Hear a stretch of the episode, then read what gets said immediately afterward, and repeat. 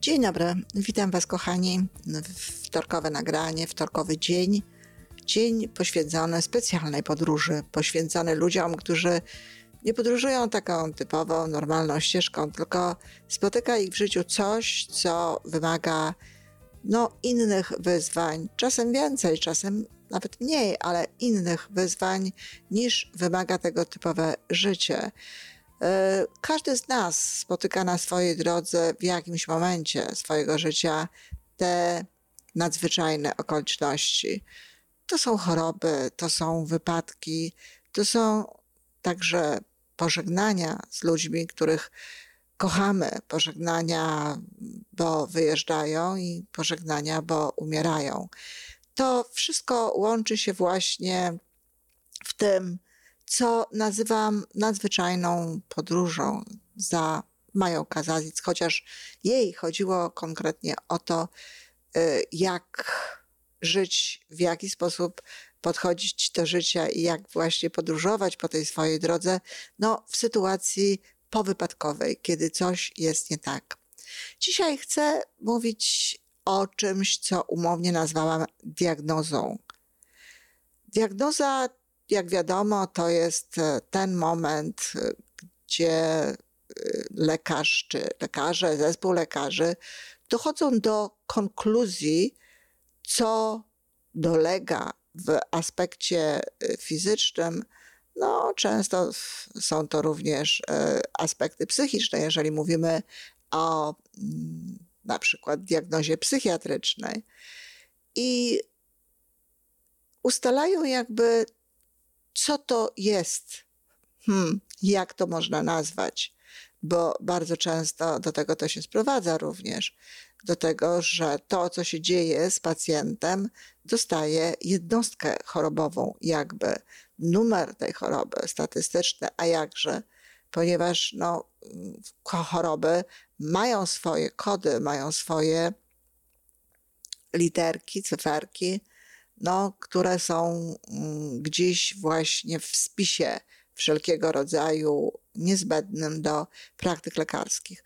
Oczywiście ja to wszystko rozumiem, jeśli się chce prowadzić e, opiekę zdrowotną w sposób, e, no, przepraszam za to, za to słowo, ale dokładnie taki, zmasowany, jeżeli chce się pomagać dużej liczbie ludzi, jeżeli nie ta sama osoba, nie ten lekarz, nie ten sam lekarz ma do czynienia z jakąś osobą od urodzenia aż do y, końca, to tak, no, musi to tak być. Każdy kolejny lekarz musi wiedzieć, do czego się odnieść, musi wiedzieć, co to było i tak dalej. Jednak jest to trochę smutne, dlatego że no, kiedyś E, w dawnej Polsce czy w dawnej Kanadzie, gdzie mieszkam, e, był lekarz rodzinny, był lekarz domowy, był lekarz, który znał nas tak dobrze, że potrafił nam powiedzieć różne rzeczy inaczej niż tylko zdiagnozować, inaczej niż tylko dać jednostkę chorobową, inaczej niż tylko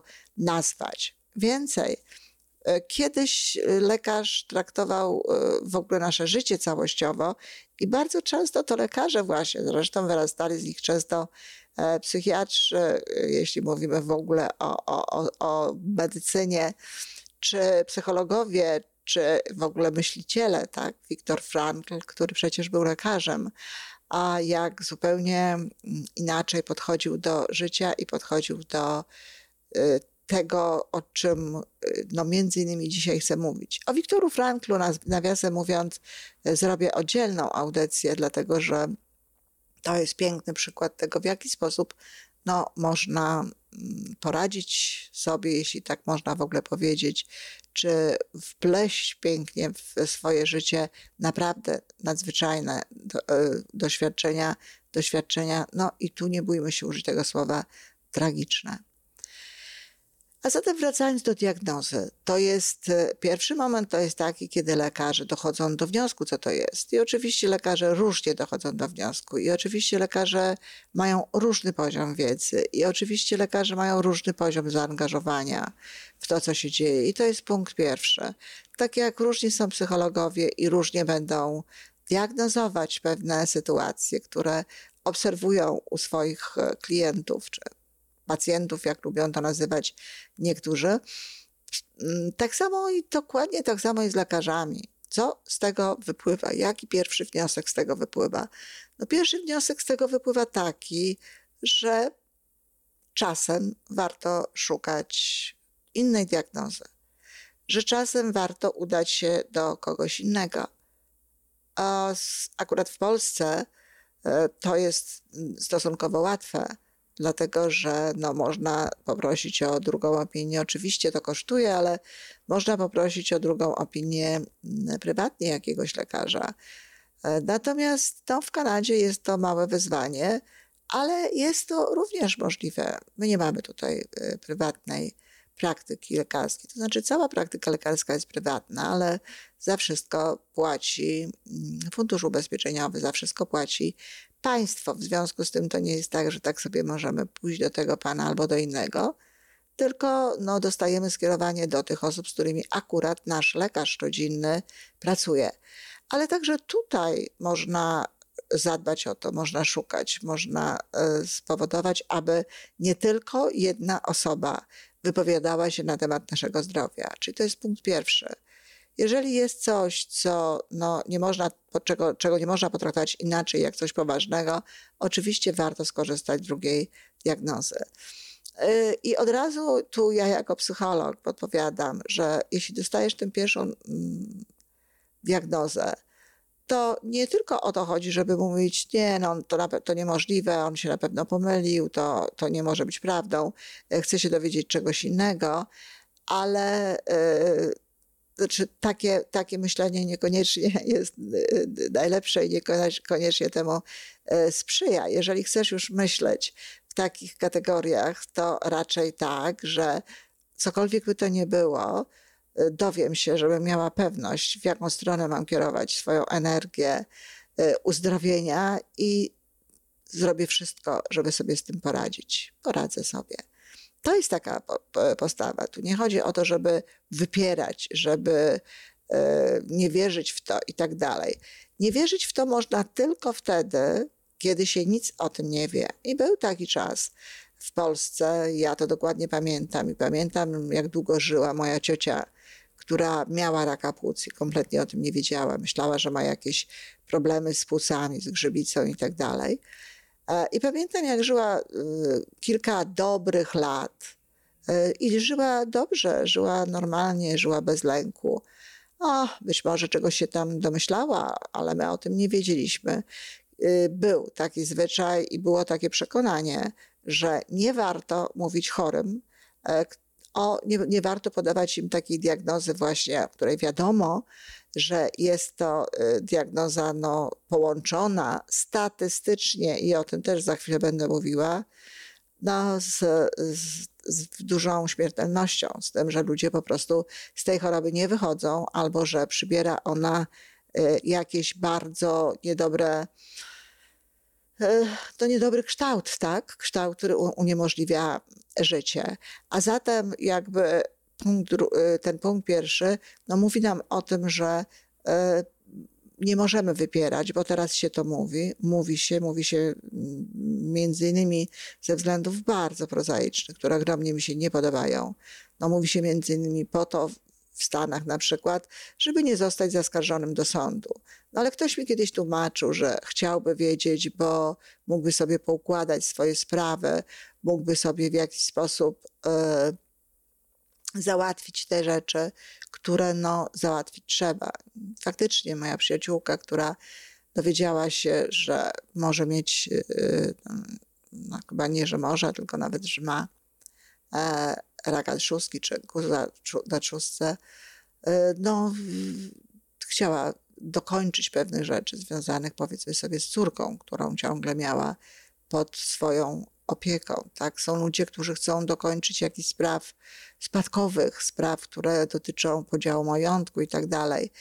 E, trochę prawie powiedziawszy, przekonali, przekonało mnie do tej, do tej de decyzji o, o, o jednak przyjęciu informacji na temat autentycznej diagnozy, to, że gdybym się dowiedziała, chciałabym po prostu swój ostatni czas, swój ostatni okres no, jeśli w ogóle zgodziłabym się na to, bo zaraz o tym będziemy mówić, no, przeżyć w taki sposób, żeby to było piękne, żeby to było duchowe, żeby zrobić różne rzeczy, które są dla mnie ważne. Nawet czasami e, proponowałam ludziom, aby zadać sobie takie pytanie: gdyby zostało ci tylko pół roku czasu życia, co chciałbyś zrobić przede wszystkim? Pamiętam również swoją odpowiedź wiele lat temu: dokończyć książkę, bo zaczęłam wówczas e, książkę, która leżała e, z którą się nic nie działo i autentycznie to pytanie zmobilizowało mnie do tego, żeby ją dokończyć. Dziś czytacie ją w postaci czasu kobiet. I to jest, y, mm, to jest y, druga istotna sprawa, że często jest tak, że kiedy ludzie nie wiedzą o tym, to, to jakby lepiej się czują i lepiej żyją.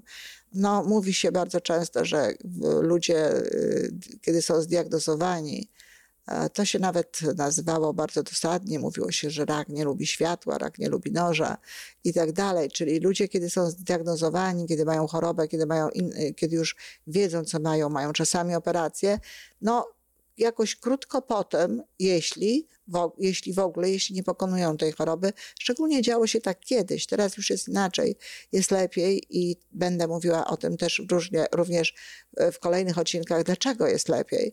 E, ale kiedyś ludzie po prostu w Polsce zwłaszcza bardzo szybko umierali i to niekoniecznie właśnie dlatego, że rak nie lubi tego czy tamtego, choć nie wiem, być może też tak jest, że kiedy to się dotknie, kiedy coś się zacznie z tym robić, no to te reakcje następują, ale przede wszystkim dlatego, że wie o tym człowiek i jego system zupełnie inaczej pracuje. Jego system, e, mówię o systemie nerwowym jako o całości, kiedy mózg mówi różnego rodzaju rzeczy swojemu organizmowi, a organizm pracuje w zgodzie z tym, co mózg mu mówi. Dlatego bardzo ważną sprawą jest no to, że y, ponieważ tę diagnozę się już podaje, to żeby podawać tę diagnozę tak, żeby to miało wspierać pacjenta. No i tutaj dochodzimy do sedna sprawy. Niestety, rzadko którzy lekarze potrafią to robić. Bernie Siegel, y, lekarz, y, który miał swoją własną klinikę mm, w New Haven, E, uczył ludzi, uczył swoich lekarzy potem, w jaki sposób mają tę diagnozę podawać. Sam robił to tak, że kiedy miał powiedzieć coś niedobrego, coś, co w statystykach no, łączy się z tym, że ludzie żyją krócej, mówił, brał kogoś innego, brał na to spotkanie również kogoś, kto przeżył, kto pokonał te statystyki, kto żyje już dłużej niż mówią te statystyki. I rozmawiając z osobą chorą, mówił jej: No, wiesz, statystyki są takie, ale to są statystyki. To ty możesz być tym elementem, który może je zmienić, który może podnieść e, jakby e, procent czy długość tego życia wyżej. Popatrz, tu jest pani taka czy inna, ona żyje dalej. Ona ma dalej, e, dalej zupełnie udane E, swoje życie, dalej podróżuje. Oczywiście, że trochę inaczej. Oczywiście, że już wyjątkowo, bo e, podróż po diagnozie e, nowotworu pewno już zawsze będzie odrobinę wyjątkowa, ale często ta wyjątkowość no, będzie wyjątkowością, gdzie przeważają nawet, można powiedzieć, pozytywne rzeczy. A zatem on mówi w ten sposób, ponieważ nasi lekarze rzadko potrafią to robić, dlatego ważne jest, żeby rodzina albo sam pacjent, który dostaje jakąś diagnozę, rozumiał to, żeby rozumiał, że to jest statystyka, żeby rozumiał, że jeżeli słyszy, że teraz to będzie się działo to, a potem się będzie działo to, a potem się będą działy jeszcze inne rzeczy, a teraz to straci w ogóle wszelkie funkcje i tak dalej, to jest to po prostu obraz typowego no, przebiegu tej choroby, kiedy powiedzmy sobie e, e, pacjent nie ma takiej silnej woli życia, jaką na przykład ja mogę mieć, czy jeżeli pacjent nie ma celów do, e, czy jakichś ważnych rzeczy do osiągnięcia i tak naprawdę ta choroba, no naprawdę, uwierzcie mi, czasami po prostu spływa na niego jako błogosławieństwo, bo tak naprawdę nie chce mu się żyć. I wtedy właśnie no, ludzie ulegają jakby tym statystykom, zachowują się statystycznie, podczas kiedy mogą żyć. Zresztą e, Bernie Siegel dostarczał wielu dowodów. Ja zachęcam do przeczytania książki pod tytułem Miłość, medycyna i cuda. To jest y, książka właśnie Berniego Sigla. On dawał szereg przykładów ludzi, którzy żyli, mimo że statystycznie żyć nie powinni. I mówił nawet coś takiego, że czeka na taki dzień, kiedy no, ludzie będą mogli wybierać anegdotyczne, bo tak nazywają lekarze, materiały zbierane właśnie przez Berniego Sigla czy innych lekarzy, którzy opowiadają i przedstawiają przypadki ludzi, którzy żyją, dlatego że psychologicznie zadziałali no, na, również na, na ten proces zdrowienia. E, I Bernie Siegel mówi, że chciałby, żeby ludzie właśnie zamiast statystycznie umierać, żeby po prostu mogli anegdotycznie żyć. I zbierając tutaj na razie to, co chciałam powiedzieć dzisiaj, bo będę mówiła w kolejnych odcinkach o procesie zdrowienia w ogóle, e, po e, diagnozie i o diagnozie ciągle jeszcze w jakimś małym stopniu, to żeby zebrać to tutaj to, po pierwsze, warto jest mieć drugą diagnozę. Warto jest mieć drugie zdanie na temat tego, co się dzieje. Najlepiej, jeżeli ten lekarz nic nie wie o tym, co było wcześniej.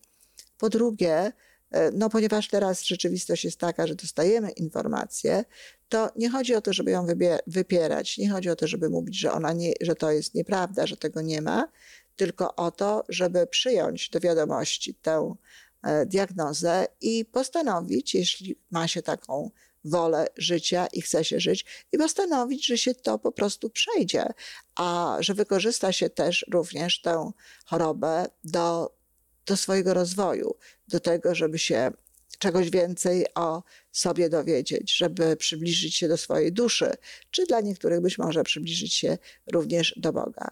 E, po trzecie, chodzi o to, żeby bardzo o siebie zadbać w tym momencie i traktować z miłością E, całe swoje ciało zdrowieć, a nie walczyć z chorobą. To jest bardzo ważne. W ogóle ten element walki niekoniecznie jest potrzebny. Owszem, są ludzie, dla których właśnie walka i ten e, takie to podejście e, właśnie walczące no, pomaga, ale generalnie rzecz biorąc, lepiej jest właśnie pokochać siebie, pokochać swoje ciało, pokochać swoje ciało i zdrowieć, zająć się ciałem tak, żeby zdrowiało, a nie zajmować się chorobą. Czyli krótko mówiąc, przekładać energię na ciało, na proces zdrowienia, a nie na chorobę i na e, no, proces walki z tą chorobą. Więcej o tym w kolejnych odcinkach, a dziś dziękuję. Wszystkiego wspaniałego, kochani.